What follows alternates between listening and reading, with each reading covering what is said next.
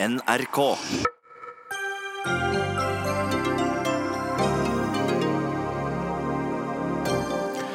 Trond Giske måtte gi opp kampen om nestledervervet i Trøndelag Ap. En seks sekunders dansevideo ble hans bane. Var det virkelig alt som skulle til? For første gang i historien har en tidligere norsk oljeminister sagt at vi må sette en sluttdato for norsk oljeproduksjon. Åslaug Haga møter oljenæringen til debatt i Dagsnytt 18. Bor du i hovedstaden og skal ha pass, så er neste ledige time i midten av mai. Og køene de vokser også i hele landet når antall passkontor skal mer enn halveres. Og er det å flytte pasienter fra en ambulanse til en annen halvveis i syketransporten en klok løsning for ambulanseberedskapen? Det syns de iallfall i Finnmark.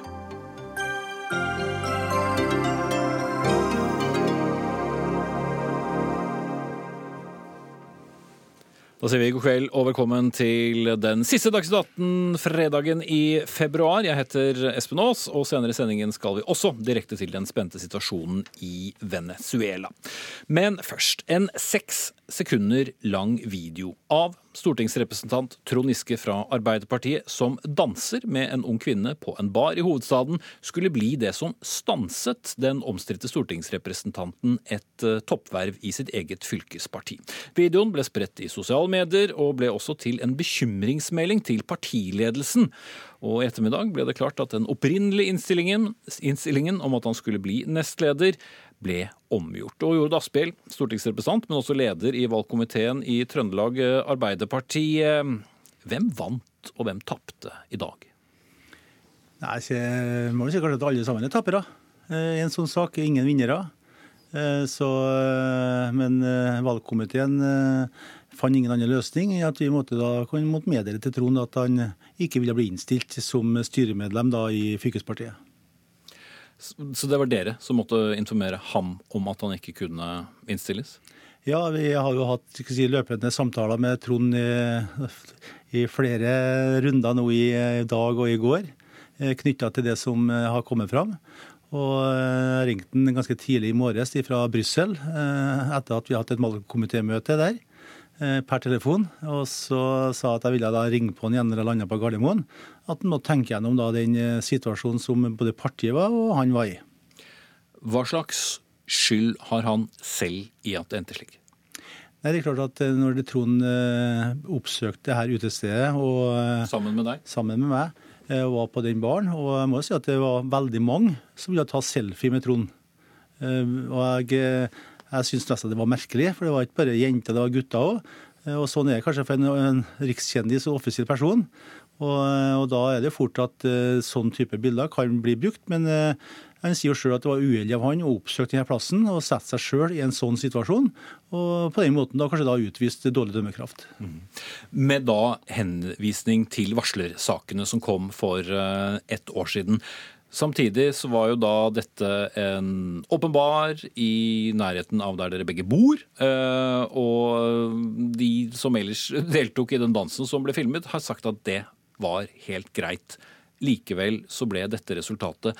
Forteller det egentlig en historie om at eh, tiden overhodet ikke var inne for at Trond Giske skulle tilbake i et toppverv, siden det skulle seks sekunder til? Ja, det er klart at eh, med den historien som har vært, eh, og med det vedtaket som partiet sentralt har sagt, at eh, nå er det muligheter og åpning for at han kan da ha verv i partiet. Det er en ting det er ikke si formelle, men så må han jo vise seg den tilliten verdig.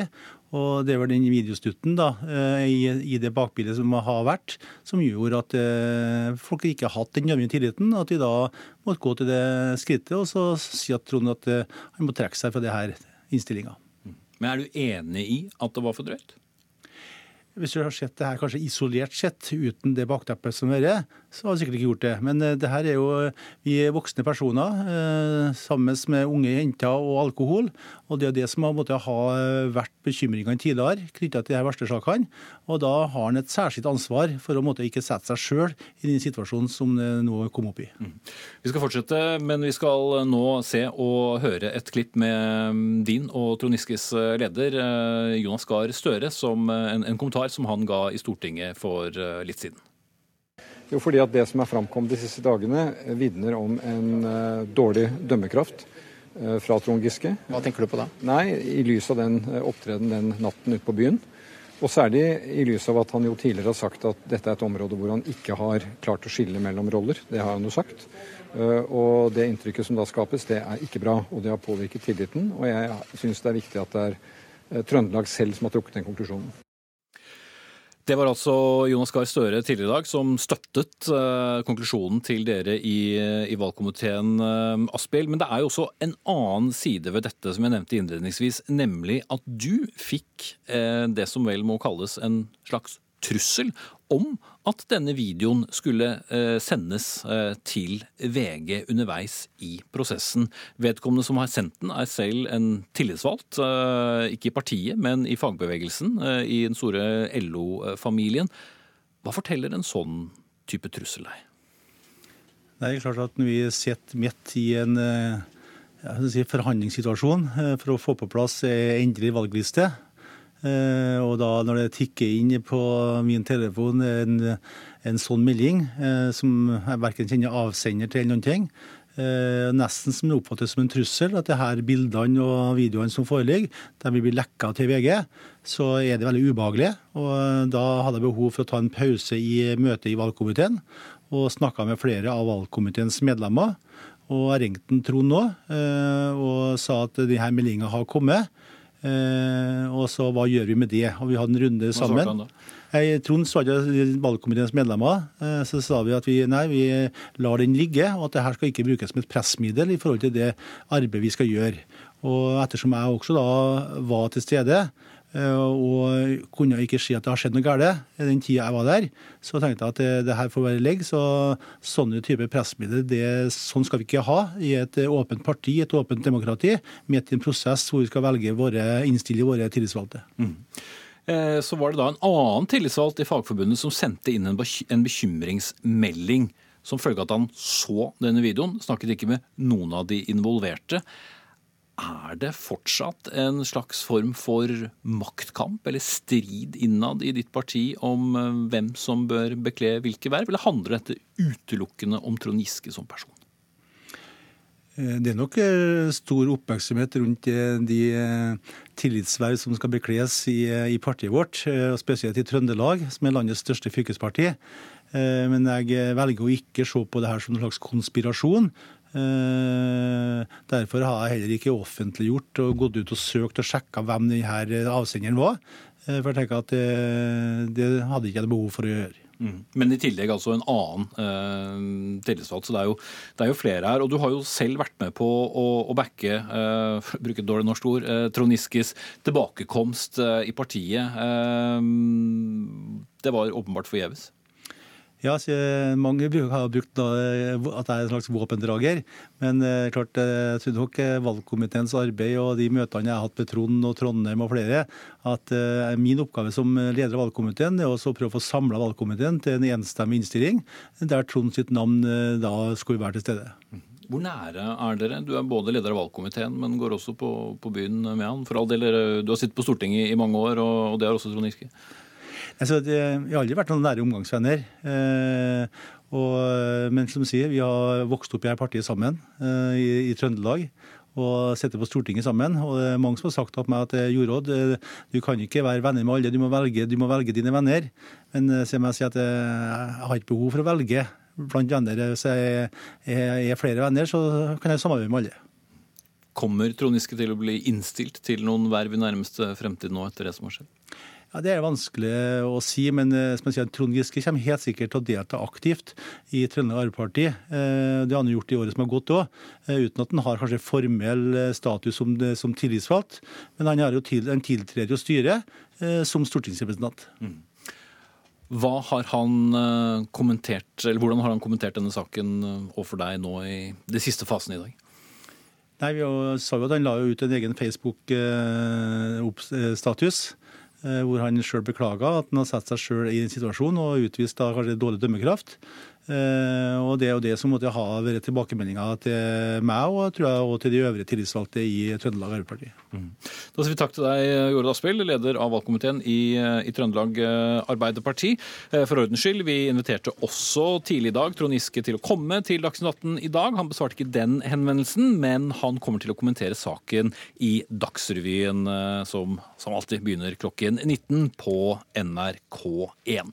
Men vi gir oss ikke med det første. Vi skal ha med oss oss eh, to kommentatorer. Astrid Mæland, politisk kommentator i VG, og Tone Sofie Aglen, politisk redaktør i Adresseavisen. Jeg begynner med deg, eh, Mæland, siden VG har blitt en liten brikke i dette her også. Men hvis vi tar bare saken isolert sett, denne seks sekunders videoen, hvor ille var den? Nei, det er jo helt troskyldig. Det er lov for alle å være på byen, det er lov å danse, det er lov å flørte, og det er absolutt oppfordra til ikke at folk skal ha det artig. Til og med folk på Trond Giske og min sin alder bør mm. feste mer. Mm. Men uh, det hjalp jo ikke det. Nei, for Trond Giske sitt tilfelle så er det jo litt spesielt. Han har jo et handlingsrom som er mindre eller eh, alle andre sitt, fordi at han har den historikken han har. Og han har sagt eh, og beklaga og sagt unnskyld eh, mange ganger før for det han har gjort i disse metoo-skandalene. Han satt jo eh, sikkert her i studio og i Dagsrevyen og sa at han eh, beklaga at han skulle skjerpe seg. Og da knytta han det jo til sosiale sammenhenger. Eh, masse alkohol og ungdom. Slike ting skolen jo holde seg unna, sa han for vel et år siden. Og Det er det som gjør det litt vanskelig, da, for det kommer en sånn sekssekunders video som er kort og som er troskyldig. som minner det om alt det han sa at han ikke skulle gjøre, sjøl om den videoen her ikke er eh, noe metoo i det hele tatt. Det er ikke noen som er noe offer. Alle sammen sier at det er uproblematisk. Men så er det jo samtidig sånn at i Arbeiderpartiet er det jo nå oppstått noe helt nytt. En rørende enighet. Alle er altså enige, fra Trond Giske til fylkeslaget i Trøndelag til Jonas Gahr Støre. Alle er enige om at det her var teit og dumt. Mm. Tone Sofie Aglen, i eh, Trøndelag så har jo tilgivelsen kanskje vært større enn mange andre steder, og det er mange som har kjempet nå for at eh, Giske skulle få en gjeninntreden. Hva sier de nå? Ja, tilgivelsen her har jo vært stor, og veldig mange har eh, jobba hardt for å gi Giske en, eh, en maktposisjon i fylket. Og det, det, var jo faktisk så nærme at uh, han var jo rett ved å få den, enstemmig. Uh, og de mange støttespillerne til Giske er nå veldig, veldig skuffa.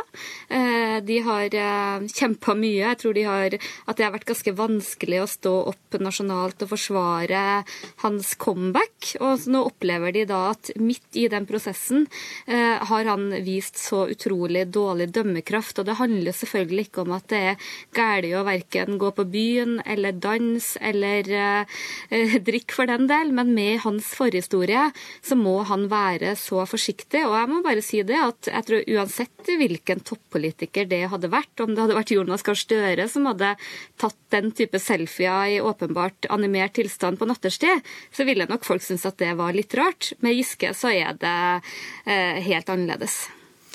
Men eh, i og med det var altså en sekssekunders video som skulle felle ham, fortalte egentlig det som jeg var inne på med Asphjell også, egentlig en historie om at eh, Trond Giske egentlig hadde ikke så mye handlingsrom, og at eh, ja, kanskje på en måte så var det greit at det skjedde så tidlig som det gjorde? Ja, men eh, det er lett å liksom skylde på andre, og at det er media og andre som har brakt denne saken fram.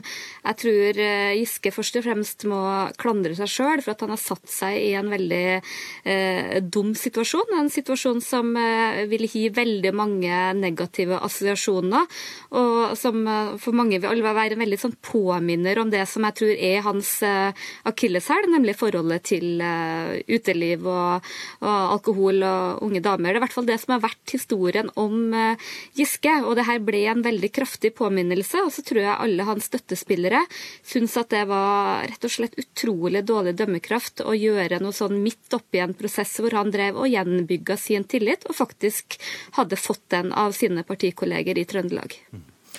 Astrid Mæland, det ble altså fremsatt en trussel overfor uh, valgkomiteens leder om at denne videoen skulle da bli lekket til uh, avisen som, uh, som, du er ansatt i. Ble, ble mediene brukt i denne saken? Altså, Jeg kjenner ikke til den trusselen. Jeg vet ikke hvem som har sendt den. Jeg har ikke hørt om det før nå i stad. Uh, uansett så er jo resultatet slik at uh, Arbeiderpartiet og Trond Giske og nesten alle høres ut som de er enige om at det, det den videoen viser, det er dumt og gære. Og derfor er det jo ikke, kan det ikke være uheldig at uh, media har omtalt det. fordi da unngår vi jo at det kommer opp etterpå at noen blir valgt som ikke skulle ha vært valgt. Eh, og så er det jo slik at politikk det er alltid maktkamp. Eh, og det er ekstra bra for dem som eh, driver med maktkamp hvis de har noe godt å ta fiendene sine på. Og da gjelder det å ikke prøve å servere godsakene på et sølvfat til motstanderen din. Og det er jo det Trond Giske har gjort her, da. Mm. Vi så jo alle en ganske hardt prøvet eh, partiledelse for et drøyt år siden etter alle metoo-sakene. Nå har vi et Arbeiderparti som gjør det bra på målingene. Kritikken har vært liten mot ledelsen.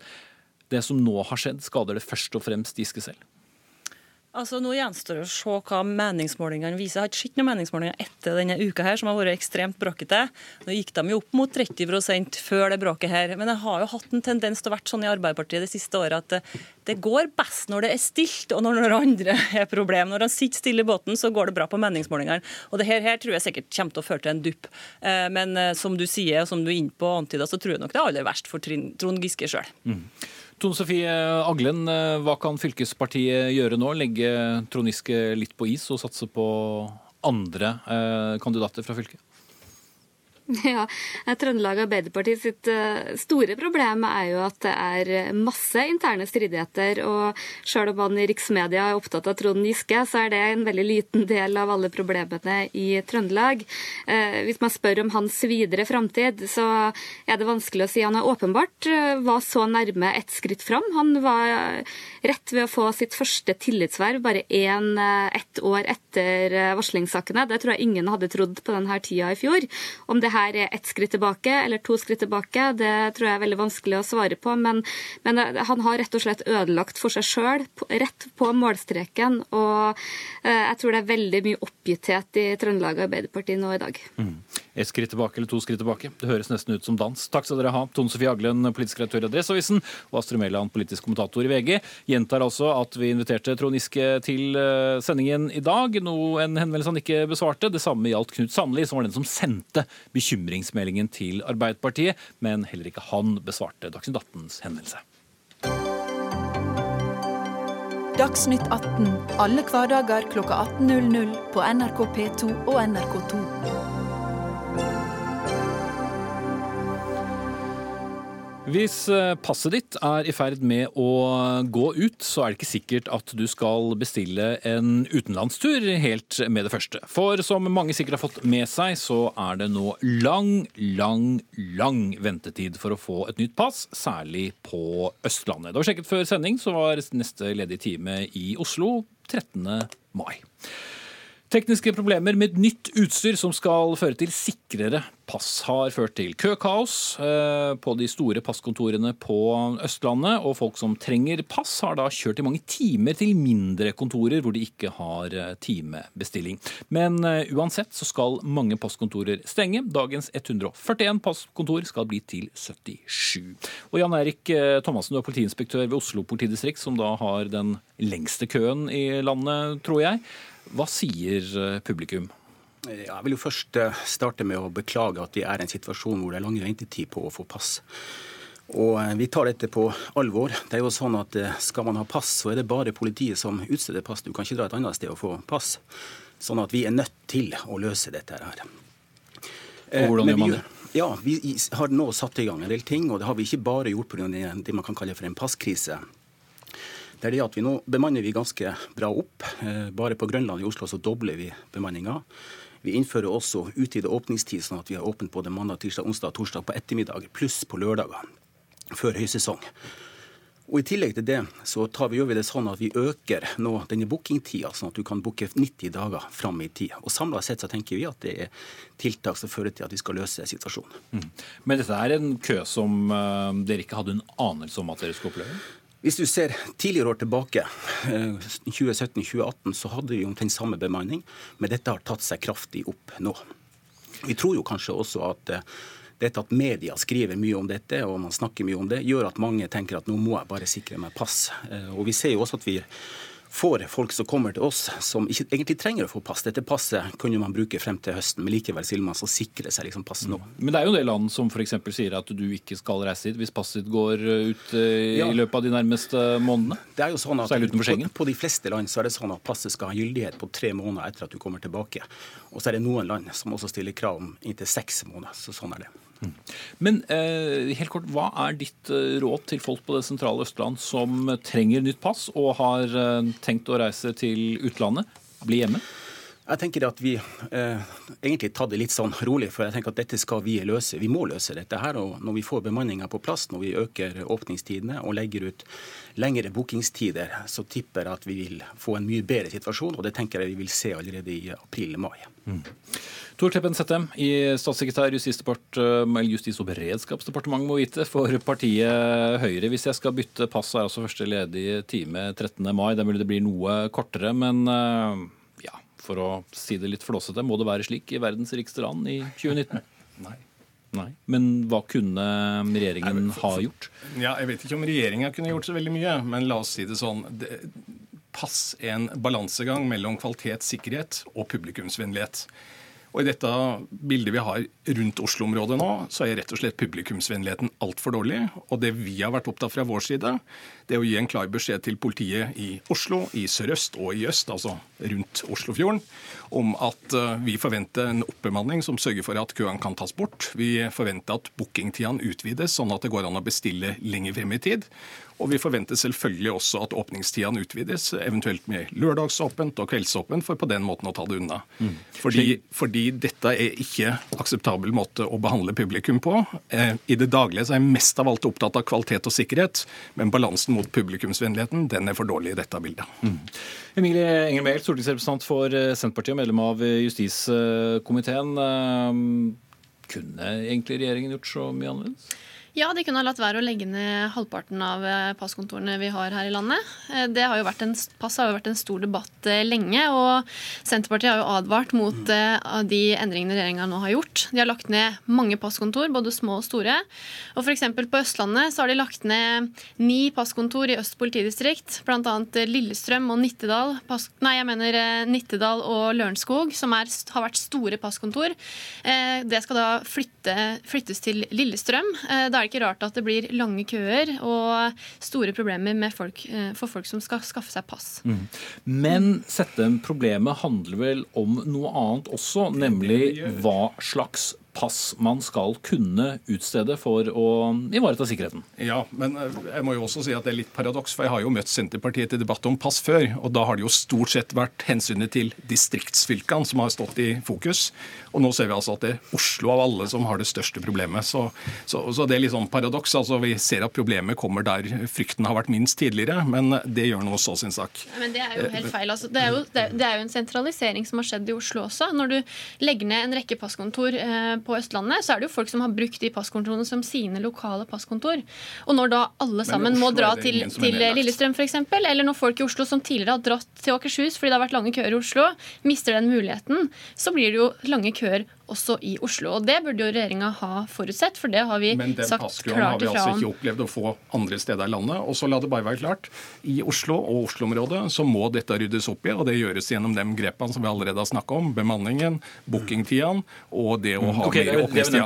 Og for de som syns det høres veldig lokalt ut at noe skjer i Oslo, men det er jo snakk om veldig mange mennesker, og det er derfor disse køene blir så lange også. Men igjen, hvorfor har vi havnet der for de som, eh, som lurer? Hvorfor er, eh, skjer alle disse tingene samtidig med at dere nærmest halverer antall uh, passkontorer? Det tror jeg vi fikk en beste forklaring av fra Oslo-politiet uh, direkte. Det går på, på, en dårlig forberedelse på en situasjon som kom uventa, med langt flere henvendelser enn hadde venta, og at uh, det er en overgangsfase der en både gjør fysiske ombygginger, der en installerer ny maskinvare, der en driver med opptrening eller opplæring av ansatte som skal gjøre jobben. For det er ikke alle passkontorer som heller kunne utstedt de nye passene? Nei. Nå så en mer på politimannen som kan det faglige rundt det. Ja, men, men Forklar oss det rent praktiske en. Du må gjerne velge hvem dere som, som gjør det. Men det er altså, hvis jeg forstår det riktig, ikke alle av de eksisterende passkontorene som kan utstede nye pass, fordi at det er større krav til uh, sikkerheten? Da skjønner jeg spørsmålet ditt, fordi det går selvfølgelig på at selve maskinene som skal utstede passet, dem innfases gradvis fra kontor til kontor. Uh, og i Oslo har det vel skjedd allerede før nyttår.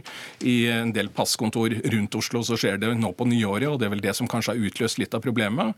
Uh, og da leder du over til det som du vel formodentlig var ute etter å få et svar på, nemlig at dette gjøres fordi vi må sikre kvaliteten på passet og sikkerheten rundt passutstedelsen, og fordi det finnes internasjonale krav som vi må innfri, og som vi er dypt bekymra for at Norge ikke kommer til å innfri hvis vi ikke gjør et arbeid nå. Og Thomassen, der hadde dere ikke mye valg? altså? Nei, absolutt ikke. Jeg har lyst til å si i forlengelse av det som er sagt nå, at et pass er et veldig verdifullt dokument. Det er altså en fastsettelse av en identitet. Og det vil være ganske kritisk dersom politiet utstetter kan du si, identiteter til feil personer. Vi har jo gjennom undersøkelser, og det skjer av og til. og vi også, Når man spør folk hva man stort sett er mest redd for, så er det dette med identitetstyveri. Derfor så må kvaliteten på det arbeidet som politiet gjør, være, god, være meget god.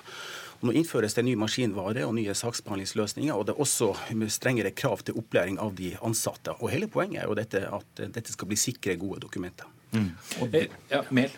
Ja, altså jeg synes Det er litt spesielt at man er så overraska. Fordi at man har visst at man må innføre eh, nye maskiner. Man har visst at det vil komme strengere krav. Det kunne man ha planlagt bedre. Og når man samtidig som den innfasinga av nye maskiner velger å legge ned veldig stor del av den kapasiteten man hadde til passutstedelse, så er det jo klart at det blir KORK. Så jeg mener at en mye bedre løsning hadde vært å fortsatt passutstedelse ved de passkontorene vi hadde, istedenfor å legge ned halvparten, og så innføre eh, det nye utstyret gradvis på alle de lokasjonene, sånn at vi ikke fikk de store KORKene. Og Det er også den samme argumentasjonen regjeringa har brukt for å legge ned så mange kontor både i sentrale og desentrale strøk. Det er jo at eh, det går på sikkerhet. Men det er jo ikke noe i veien for at man kunne ha god sikkerhet også på mindre passkontor. Ja, ute i distriktene. Det, det, det, det, er faktisk dessverre det. Eh, la oss nå bare gjøre det klart at uh, den situasjonen vi har i Oslo og nærområdene, den er uakseptabel. Den må det ryddes opp i i løpet av noen få uker, og det gjør vi gjennom grepene vi allerede har snakka om. Men det som er problemet, det er altså at eh, vi har fått kritikk fra internasjonalt hold, og vi har fått kritikk fra Riksrevisjonen over kvaliteten på selve mm. passet, mm. og tilliten det kan føre til at den svekkes. Men kunne ikke hørt som Mehl fått... sier at dere hadde rullet ut denne programvaren på de passkontorene som skal legges ned, og ventet med å legge ned? Nei, fordi mye av kritikken gjelder bl.a. den fysiske sikkerheten rundt lokasjonene. Det betyr at det er helt andre krav enn det vi har vært vant til å tenke på for å sikre dette passet. Det har noe med fagmiljøet, der det er viktig at vi har faktisk fagkompetanse samla og ikke spredd utover på altfor mange steder. For det har noe med at dem som utfører arbeidet, faktisk også Det stilles mye tøffere krav enn tidligere til dem som gjør det arbeidet. Og det stiller Det gjør at vi rett og slett må Jeg syns, jeg syns at det burde vært bedre forberedt på den situasjonen vi nå er i. Men heldigvis, det er noe vi kan løse i løpet av noen ytterst få uker. Og de kravene har vi stilt overfor de politidistriktene det gjelder. Men gud bedre, jeg har ikke lyst til å sitte her om to-tre år og få en kritikk fra enten det måtte være fra Senterpartiet eller andre på at kvaliteten og sikkerheten ikke er god nok, at vi ikke har tatt tak i det. Kort og slutt, Mel, du får siste ord. Den internasjonale eh, kritikken den sier ingenting om at ikke små passkontorer kan utstede pass på en god måte. Det her handler om at regjeringen vil spare penger på å legge ned passkontor, og folk får isteden den kostnaden. For de må ta seg fri fra jobb for å reise langt for å få seg pass, eller de må stå i kø og bruke timevis på det. Og det er helt legitimt å si at man må ha kompetanse hos de som utsteder pass, men det er ikke noe i veien for at eh, også de på små lensmannskontor kan ha god kompetanse på det. De har ikke større lærevansker enn andre. Om ikke annet så får man i hvert fall sett mer av Distrikts-Norge hvis man absolutt eh, vil eh, ha pass. Takk skal du ha, Emilie Enger Mehl, stortingsrepresentant for Senterpartiet, statssekretær Tor Kleppen Settem fra Justis- og beredskapsdepartementet og Jan Erik Eirik unnskyld, Thomassen, eh, politiinspektør ved Oslo politidistrikt.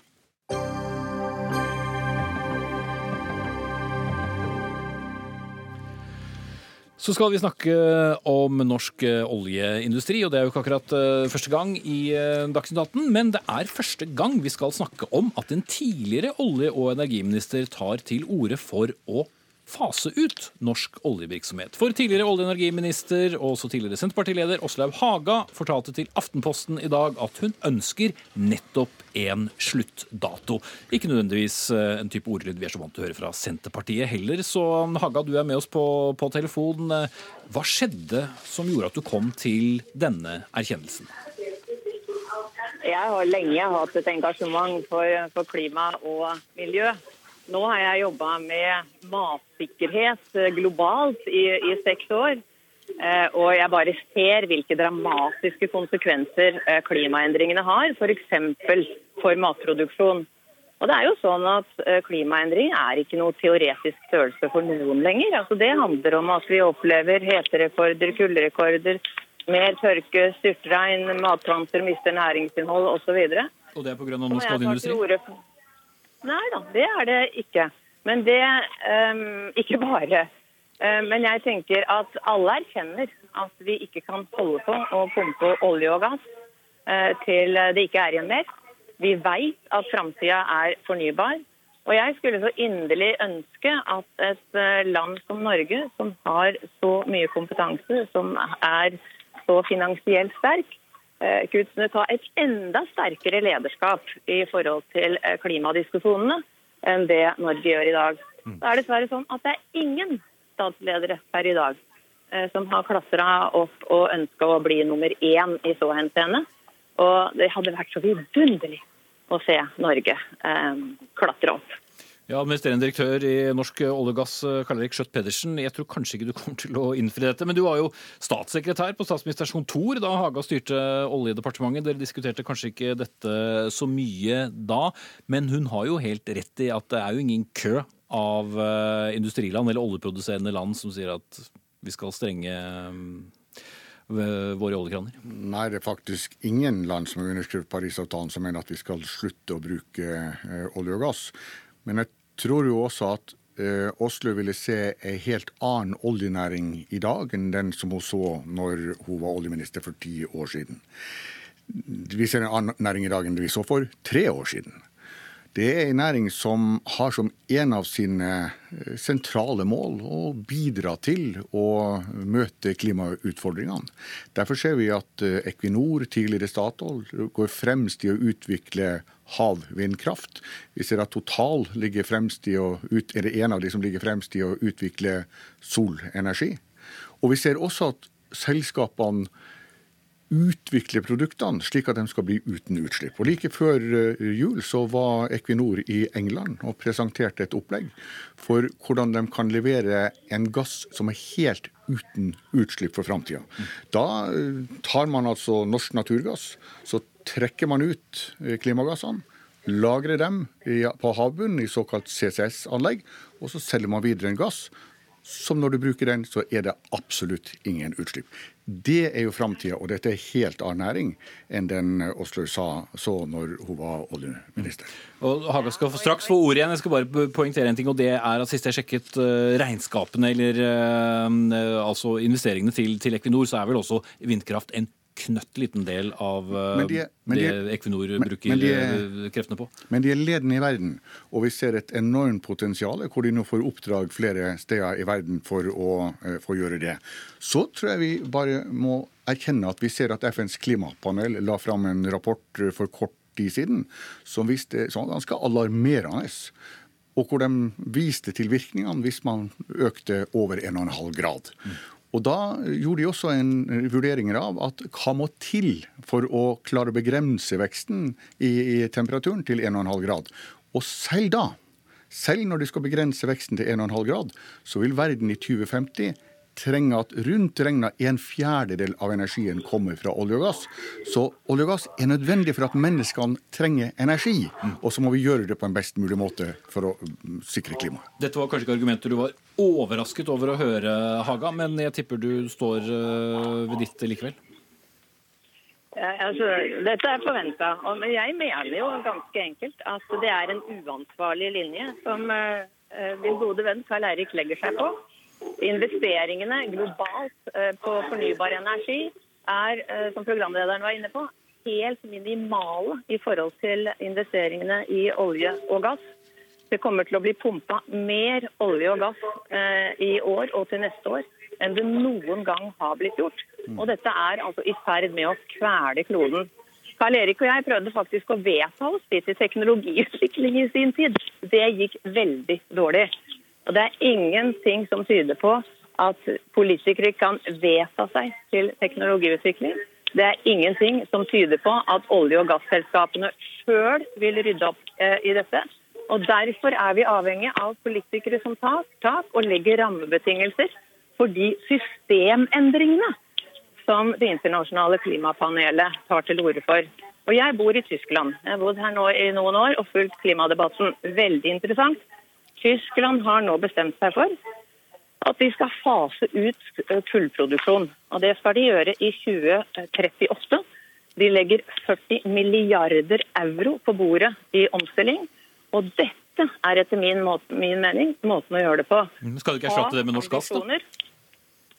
Det er um, gass, gass fra Norge kommer til å spille en rolle i en overgang.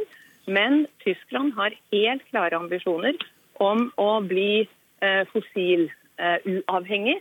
Uh, og det å, å legge bort gassen er én måte å nærme seg det spørsmålet på. Det er veldig viktig at Tyskland har bestemt seg for å slutte med kull, slik vi også ser i Storbritannia. Så var Angela Merkel veldig tydelig når hun snakka om det her for en tid siden, og sa at de må være ærlige med befolkninga og si at hvis Tyskland skal slutte med atomkraft, og hvis Tyskland skal slutte med kullkraft, ja, så er de helt avhengig av mer gass.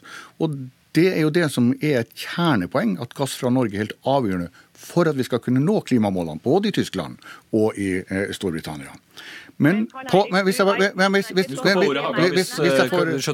får fortsette Men så er det klart at på sikt så sier, vil Europa si at de vil ha null eller veldig lave utslipp.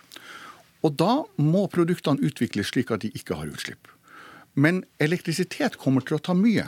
Men det er ikke alt som kan løses ved elektrisitet. Og Derfor er hydrogen veldig veldig interessant. Og Det kan være i Tyskland, det kan være i Storbritannia, som altså Equinor allerede har vært og presentert. Og Da er jo hele poenget at vi har et rørsystem som går fra Norge og til Tyskland og til England. Der kan vi sende hydrogen, hvor vi har trukket ut klimagassene. Og så kan det gå inn i systemet og da er det null uh, utslipp. Og så må jeg få lov til å si jeg må Haga få svare på det, Vi har ett minutt igjen nå. Vær så god, Haga.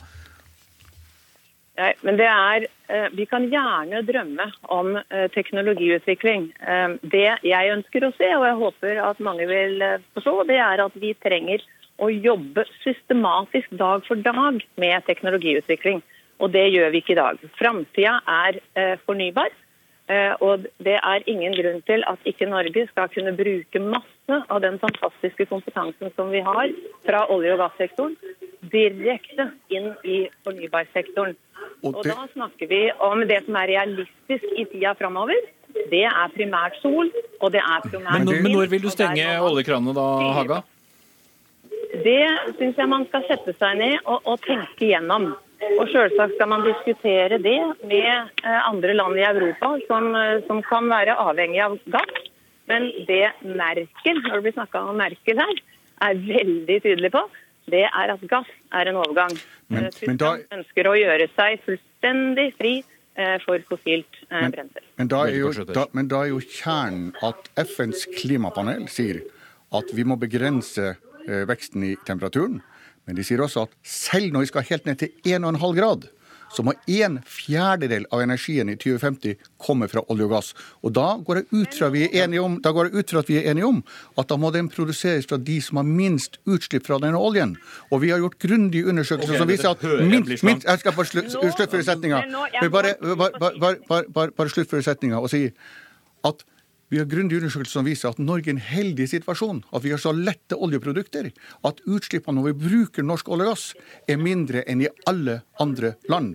Og da må det være dumt å flytte produksjonen til Russland. Ok, Men det er ennå et stykke tid før uh, oljen vår får den siste olje, høres ut som. Uh, takk skal dere ha begge to, Åslaug Haga og Karl Erik Skjøtt Pedersen.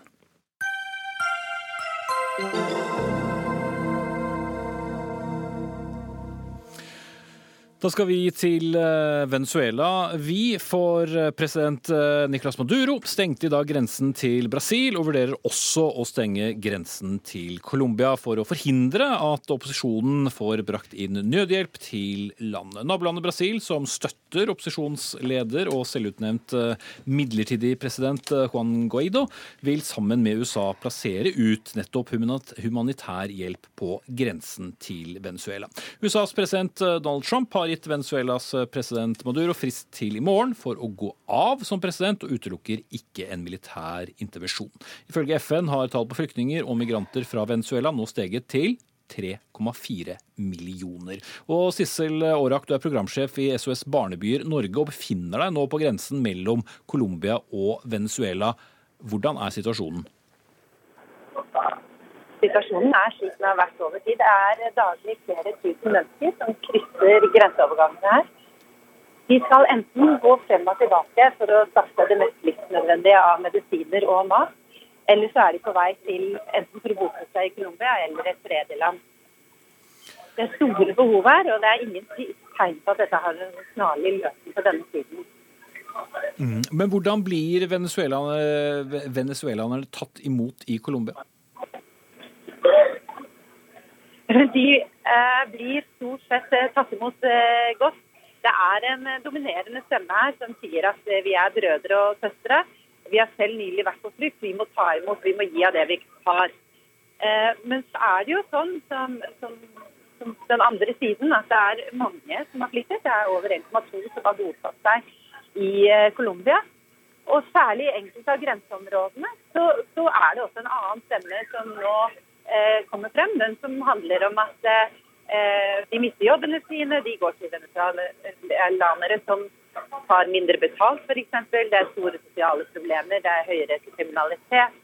Eh, og det preger jo gatebildet eh, i stor grad her i grenseområdene. Mm. Vi eh, kunne fint hatt en bedre telefonlinje til deg, hører jeg. Så vi takker deg av nå, Sissel Aarak, programsjef ved SOS Barneby Norge, og beveger oss til gjestene i studio. Begynner med deg, Marta Rubiano Skretteberg, generalsekretær i den katolske hjelpeorganisasjonen Caritas Norge. Dere driver også humanitært eh, arbeid eh, der. Hvordan vil dere beskrive denne humanitære situasjonen? For det fortelles litt forskjellige historier. Ja, nei, Den humanitære situasjonen er svært alvorlig. Vi har fulgt opp nå gjennom to-tre år. og gjennom våre helsestasjoner så har vi sett at det er over 200 000 barn som er alvorlig underernært og i ferd med å dø. Så situasjonen er dramatisk. Vi har også registrert at det er eh, akutt mangel på livsviktig medisin som antibiotika, insulin, eh, mangel til eh, tilgang til rett, rent vann. Dette gjør at sykdommene spres.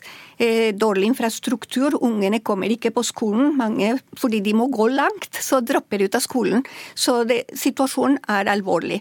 Eh, og det, jeg må understreke at det er ikke slik i hele landet, men eh, på f.eks. i utkanten av store byer, ut på landsbygda, eh, i bestemte områder, så er det akutt. Mm. Men eh, til dere som forsøker å drive med humanitært eh, arbeid der, hva slags utfordringer støtter dere på? Også det er veldig mange utfordringer. Vi som har eh, operert i landet, har blitt møtt med skepsis. Eh, det er også mm, Myndighetene nekter for at det er en humanitær krise. Eh, dette er eh, alvorlig. Mm, men Hva slags skepsis da på hvem dere er? Ikke nødvendigvis ut på det, men at de ikke makter å gi sine befolkning de basistjenester de trenger. Så det, det, det gjør veldig, situasjonen veldig komplisert. Men allikevel, også som du var inne på, FN og ikke-statlige organisasjoner har fått tilgang. Men halvhjertet aksept, ville jeg si. Eh, så, men eh, jeg på en måte tenker at eh, et forslag ville at humanitær hjelp som kommer fra USA internasjonalt, kanaliseres via disse organisasjonene som allerede er i landet og FN. Så det ville være en måte å løse dette på. Mm.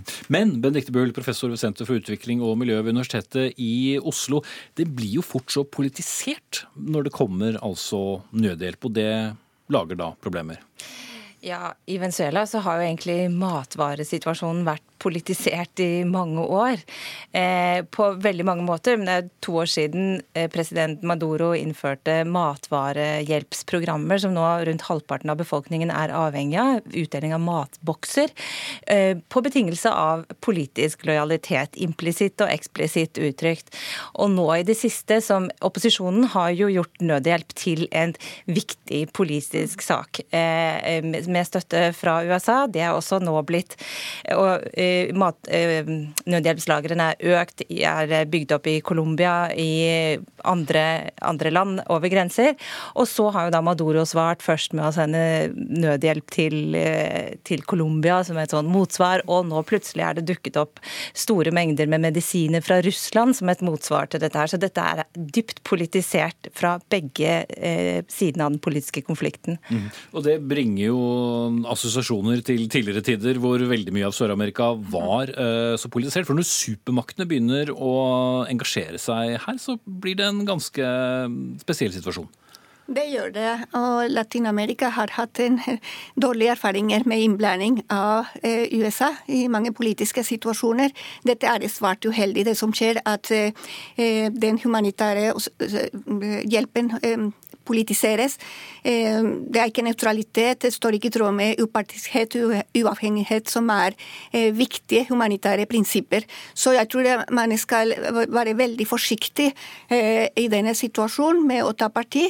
Det er veldig viktig at venezuelanere selv gjennom frie valg kan bestemme hva som vil skje videre. Men Bull, det er jo ideologier, politiske ideologier som liksom ligger smurt tykt utpå denne gangen òg, da? Både ja og nei. Jeg tror det er, er, Man skal være forsiktig med å fortolke dette her i sånn venstre-høyre-ideologi. Her er det en sammensurium av ulike agendaer og interesser. Det er ikke bare to sider. Det er Opposisjonen eh, har fått hjelp fra USA, men opposisjonen er jo også egentlig veldig mange ulike aktører. Det er én del av opposisjonen som nå har på en måte tatt litt kontroll etter 23.1, da Juan Guaidó ble erklært som eh, president. Men, eh, men det er også mange ulike agendaer der. Og ø, internasjonale samfunn heller, taler heller ikke med én stemme. USA har en agenda. Trump har sin egen agenda, som dreier seg om å skaffe velgere i Florida. Og så har du Russland og Kina og Cuba og andre aktører. Så det er en smørje, og det er viktig å holde fokus på nettopp frie valg, og at venezuelanere flest ønsker et nytt regime og ønsker en forbedring av den dramatiske situasjonen som eksisterer. Mm. skal bare kort innpå og si at Dere som nå har fulgt oss eh, på TV, har fått erstattet med aktiv idrett som skjer på snøføre, men eh, dere kan følge oss sendingen videre på nrk.no eller på radio. Eh, men tilbake til deg, Skretteberg. så skjer det jo da Noen skal holde støttekonsert, og så kommer det en motstøttekonsert. Hvordan skal man forsøke å se en vei ut av det hele? For til sjuende og sist, som du er inne på, så handler det jo om at noen trenger desperat humanitær ja. Eh, bistand. Men, ja, absolutt. Eh, jeg mener det viktigste nå er å mobilisere det internasjonale samfunn eh, for å bistå med humanitær hjelp som er i tråd med humanitære prinsipper. Det, det, det vil si upartisk og nøytralt. Og så må vi huske på at nå begynner å, i, i Venezuela å bli en estert sivilsamfunn. Det har blitt opprettet et plattform som heter Frente Amplio, som består av ulike trossamfunn, politiske partier, eh, organisasjoner osv. som vil ta sin egen, eh, har sin egen politiske, altså sine egne målsetninger. Og da er det veldig viktig at det internasjonale samfunnet lytter til deres forslag. Og de kommer med gode forslag, som f.eks. og dette med frie valg, det med frigjøre løslatte fanger, politiske fanger, det å slutte på brudd på menneskerettigheter og arrestasjoner av demonstranter. Så det å ha et sterkt sivilsamfunn er viktig. Og som jeg sa, det finnes allerede humanitære kanaler, FN og ikke-statlige organisasjoner som kan brukes til å dele ut de nødvendige livshjelp som, som, som, trenges. Og så er det veldig viktig å ikke bare tenke på her og nå. Det, det er viktig å redde liv, men det er veldig viktig å se langsiktig på dette og gjennombygge samfunn. Det reduserer gapet mellom eh, nødhjelp og langsiktsutvikling er ekstremt viktig eh, i denne sammenheng. Eh, forbedring av infrastruktur, stabilisering av institusjoner, gjennombygge økonomien, som er totalt kollapset. Men fortsatt to ledere som eh, begge mener de skal eh, lede landet. Bull, hvordan skal man eh, kunne gå inn og gjøre noe med denne veldig fastlåste situasjonen? Det foregår jo forhandlinger på mange nivåer. Men det som er skummelt nå, er at det, er nå på vei en, en konvoi med opposisjonspolitikere mot grenseområdene til Colombia. Det er mange venezuelanere som håper at det skjer et skifte akkurat denne helgen. De håper at noe dramatisk skal skje, men det kan også bli utvikling av voldsepisoder. Vi har allerede sett en person drept og flere skadet på grensen til Brasil. Og det er, dette området er flust av væpnede aktører. Det skal ikke så mange feilskjær til før eh, ganske mye vold kan utspille seg. Men Veldig kort til slutt, altså, Hvordan forholder hæren seg til eh, dette? Det kan jo ofte plutselig være de som avgjør det. Det er jo det man håper på eh, i, blant opposisjonen. At, at eh, som det har skjedd tidligere i venezuelansk historie, at eh, det skal bli et eh, kupp eh, og, og utskrives nyvalg. Det kan jo medføre omfattende voldsepisoder, det også. Hæren har ikke, eller resten av de militære styrkene har ikke vist noe sånn tegn til at institusjoner går over på den andre siden, bare enkeltpersoner. Og det store spørsmålet nå er jo om de kommer til å slippe inn humanitær hjelp. Takk skal du ha, Bente Bull, professor ved Senter for utvikling og miljø ved Universitetet i Oslo. Og takk til Marta Rubiano Skretteberg, generalsekretær i den katolske hjelpeorganisasjonen Caritas Norge. Hør Dagsnytt 18 når du vil. Radio NRK Radio.nrk.no.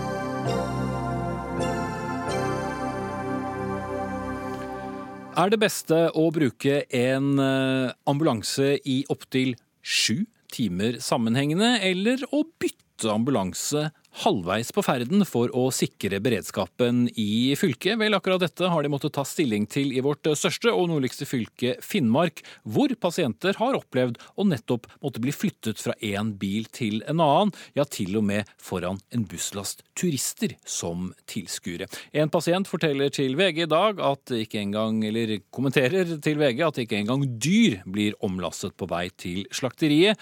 Uten sammenligning for øvrig, gå ut fra. Men, men Jørgen Nilsen, du er klinikksjef eh, for prehospitale tjenester ved Finnmarkssykehuset. Hvorfor er dette da en god idé? Som du sa i sted, så er Finnmark et eh, stort fylke, eh, langstrakt og med ganske store avstander. Og det, det her gjør vi fordi at vi ønsker ikke at vi skal ha en ambulanseressurs fraværende fra en kommune i seks eller sju eller opptil ti timer for enkelte kommuner. For det blir da rett og slett kjøretid. Man bruker så og så mange timer på å kjøre pasienten et sted, og så skal den samme ambulansen kjøre den samme veien tilbake, og kan da ikke nødvendigvis eh, utføre andre oppdrag. Ja, det er klart De blir borte fra hjem, hjemkommunen sin, og vil, eh, vi klarer da ikke å opprettholde den, den fulle beredskapen som vi gjør eh, ellers ved å ha alle ambulansene tilgjengelig. Hva sier du til de som bl.a. sier til VG i dag at de eh, opplever dette som veldig uverdig?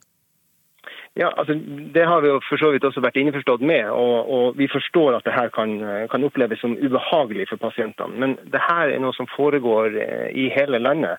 Eh, og Vi overfører pasienter mellom biler, vi overfører pasienter fra bil til båt, vi gjør det fra bil til fly, og vi gjør det fra helikopter til bil og fra helikopter til fly. Så det her, her gjør man eh, hele tida. Og eh, det gjør vi med å, å veie opp mot, mot beredskapen som vi ønsker å ivareta. Bengt eh, Rune Strifeldt, du er stortingsrepresentant for Fremskrittspartiet fra Finnmark. Har du bedre løsninger enn klinikksjefen? Ja, da, jeg tror man eh, skal eh, klare å finne en bedre løsning. Det eh, som Nilsen var inne på, en uverdig behandling av pasientene. Å bytte, ta dem ut av ambulansen og så flytte dem over i en annen ambulanse foran turistbusser og, og andre som er på de offentlige parkeringsplassene. Så eh, vi har eh, løsninger på fly, piloter bytter fly. Eh, det burde være fullt mulig å bytte sjåfør på ambulansene, som gjør at pasienten kan ligge trygt, godt og varmt, uavhengig av vær, helt frem til ambulanse helt frem til sykehuset i en akutt situasjon. Men løser det egentlig problemet? Det løser problemet ved at eh, pasienten slipper å bli flytta fra den ene ambulansen til den andre. Du, eh, det er helseforetaket som eier ambulansene, og da bør man jo kunne kjøre frem eh, med ambulansen og så bytte sjåfører som kjører ambulansen helt frem. Og da de som har kjørt pasienten frem til Skaidi, kan eh, da ta den ambulansen som kommer fra Hammerfest og kjøre returnere tilbake til henholdsvis Alta eller andre kommuner. Ja, Nilsen, har dere ikke tenkt på det som en løsning? Jo da, det her, det her har vi vurdert eh, hele tida. Det er klart at det, det, Vårt ansvar er både for den enkelte pasient som vi transporterer, eh, men vi har også ansvaret for beredskapen. Og det her er et motstridende ansvar, der den ene går faktisk utover den andre. Eh, Møtekjøringa som vi nå driver, den gjør oss i stand til å opprettholde vårt ansvar, nemlig å opprettholde beredskap og ta vare på den enkelte pasient. Eh, det å, eh, det å bytte bil eh, har vi også gjort vurderinger på, og ser at det er ikke hensiktsmessig. Fordi at vi har et HMS-ansvar i forhold til bilene og i forhold til driftene. Sammenlignet med, med, en pilot, så vil ikke en pilot godta å gå rett i et fly uten at han har klarert det flyet sjøl. Dere ser vel aldri at en pilot går sist inn i et fly og bare starter opp og drar av gårde. Og Det samme er det med vårt personell. De ønsker å ha en sikker og, og, og trygg eh, transport inn til sykehus eller tilbake til hjemkommunen med den bilen som de har sjekka ut sjøl, eh, og eh, at man vet at den er i den stand man ønsker at den skal være i. Ja, Strifeldt, går ikke dette da på sikkerheten løs, som, som Nilsen sier? Nei, eh, det der er et eh, veldig vikarierende eh, unnskyldning for å opprettholde en, gammel struktur. Nå har jo helseministeren heldigvis bedt helseforetaket se på en løsning hvor man tar sjåfør- og mannskapsbytte. Og jeg har jo ikke så store forventninger til at helseforetaket i denne saken skal konkludere med en positivt løsning eh, som innebærer mannskap og sjåførbytte. Men da har jeg forventninger til at helseministeren tar tak og sørger for at eh, pasientene får en verdig transport eh, i samme bil fra skadestedet og helt frem til, til sykehuset. Det var interessant ordbruk. Vikarierende motiv og ikke tillit til. Hva, hva bygger dette på? Det har seg med at vi har hatt en privat aktør som har hatt ambulansetjenesten tidligere. Etter at Eh, helseforetaket innsourca ambulansetjenesten, så, så eh, ble også det innført et prøveprosjekt på ambulansebytte på, på Skaidi. At eh, pasienten flyttes fra den ene ambulansen til den andre. Det, det prøveprosjektet pågår enda. Der er jo sett på avbøtende tiltak at man kjører inn i en garasje for å flytte pasienten over. men Eh, jeg ser ikke det som en, en god nok løsning. Så jeg håper at, eh, at eh, helseforetaket tar den bestillinga som helseministeren har gitt dem, ser på muligheter for å kunne sørge for at pasienten ligger i samme ambulanse helt frem fremfor å, å, problematisere det og, og, finne argumenter for hvorfor det ikke kan gjennomføres. Ja, Jørgen Nilsen ved Finnmark sykehus, har dere vikarierende motiver? Nei, det har vi absolutt ikke. Eh, og nå må jeg bare korrigere også at det er ikke, det er ikke vi som har fått oppdraget i Finnmarkssykehuset. Det er Helse Nord som har fått et sånt oppdrag i forhold til å utrede eh, alternative løsninger. Så, og Det eh, har jeg tiltro til at Helse Nord kommer med i, i, i sitt, sitt svar til helseministeren. Mm, men hvis da helseforetaket, som vel også stortingsrepresentanten poengterte, kommer da med en innstilling, da retter dere etter det? Det er klart at Vi retter oss etter det som vår eier eh, ber oss om å gjøre. Det skal vi bestandig gjøre. Så Det kommer vi til å gjøre i denne eh, saken òg. Mm. Men uh, Strifeldt, uh, det som da skjer videre, er at dere nå avventer hva uh, Bent Høie kommer til å gjøre? Eller hva for så vidt utredningen kommer til vi å løse? Vi avventer først å vi avventer først og fremst uh, utredninga fra helseforetaket for å se hva, hva, de konkluderer med. For uh, Som Nilsen var inne på, så er det her en uverdig behandling av pasienter. I tillegg så har vi jo vært litt inne på, på Det er ikke registrert dødsfall, heldigvis, ved, ved pasientbytte. Men eh, det er også et annet moment som kan være vanskelig å måle, og det er jo tap av livskvalitet som følge av en behandling under transport frem til, til sykehus, som er, som er, vanskelig å måle, men, men er viktig å ta med seg i denne sammenhengen. Mm. Men i et fylke med så store avstander som, eh, som, deres, så er det jo først og fremst helsetilstanden som vel sykehuset har, eh, har vurdert. Er ikke det viktigere enn nødvendigvis eh, den, den komforten?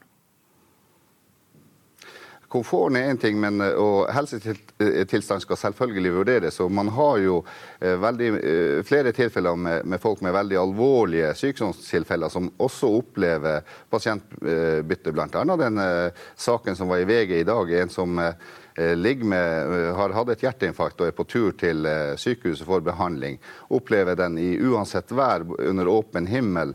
Det er kaldt, det er sne, og det står en turistbuss og ser på når, når han ligger naken på båra og blir flytta fra den ene ambulansen til den andre. Så her er et forbedringspotensial, absolutt. Mm. Og det er du kanskje enig i at det er i hvert fall forbedringspotensial, Jørgen Nilsen? Ja, altså, Vi har jo en prosedyre i forhold til det her, der vi også sier at eh, hvis pasientens tilstand tillater eh, møtekjøring og, og, pasientoverføring, så kan det gjøres. Og Det er noe som, som innleggende lege, altså kommunelegen i hjemkommunen, eh, da gjør en vurdering på i første omgang. Mm. Og Så er det da at, at ambulansepersonellet kan gjøre om den vurderinga underveis i transporten. Ok, Da vet vi det. Tiden løper her, mine herrer, så jeg må sette strek. Takk til Jørgen Nilsen ved Finnmarkssykehuset og stortingsrepresentant for Frp, Bengt Rune Strifeldt.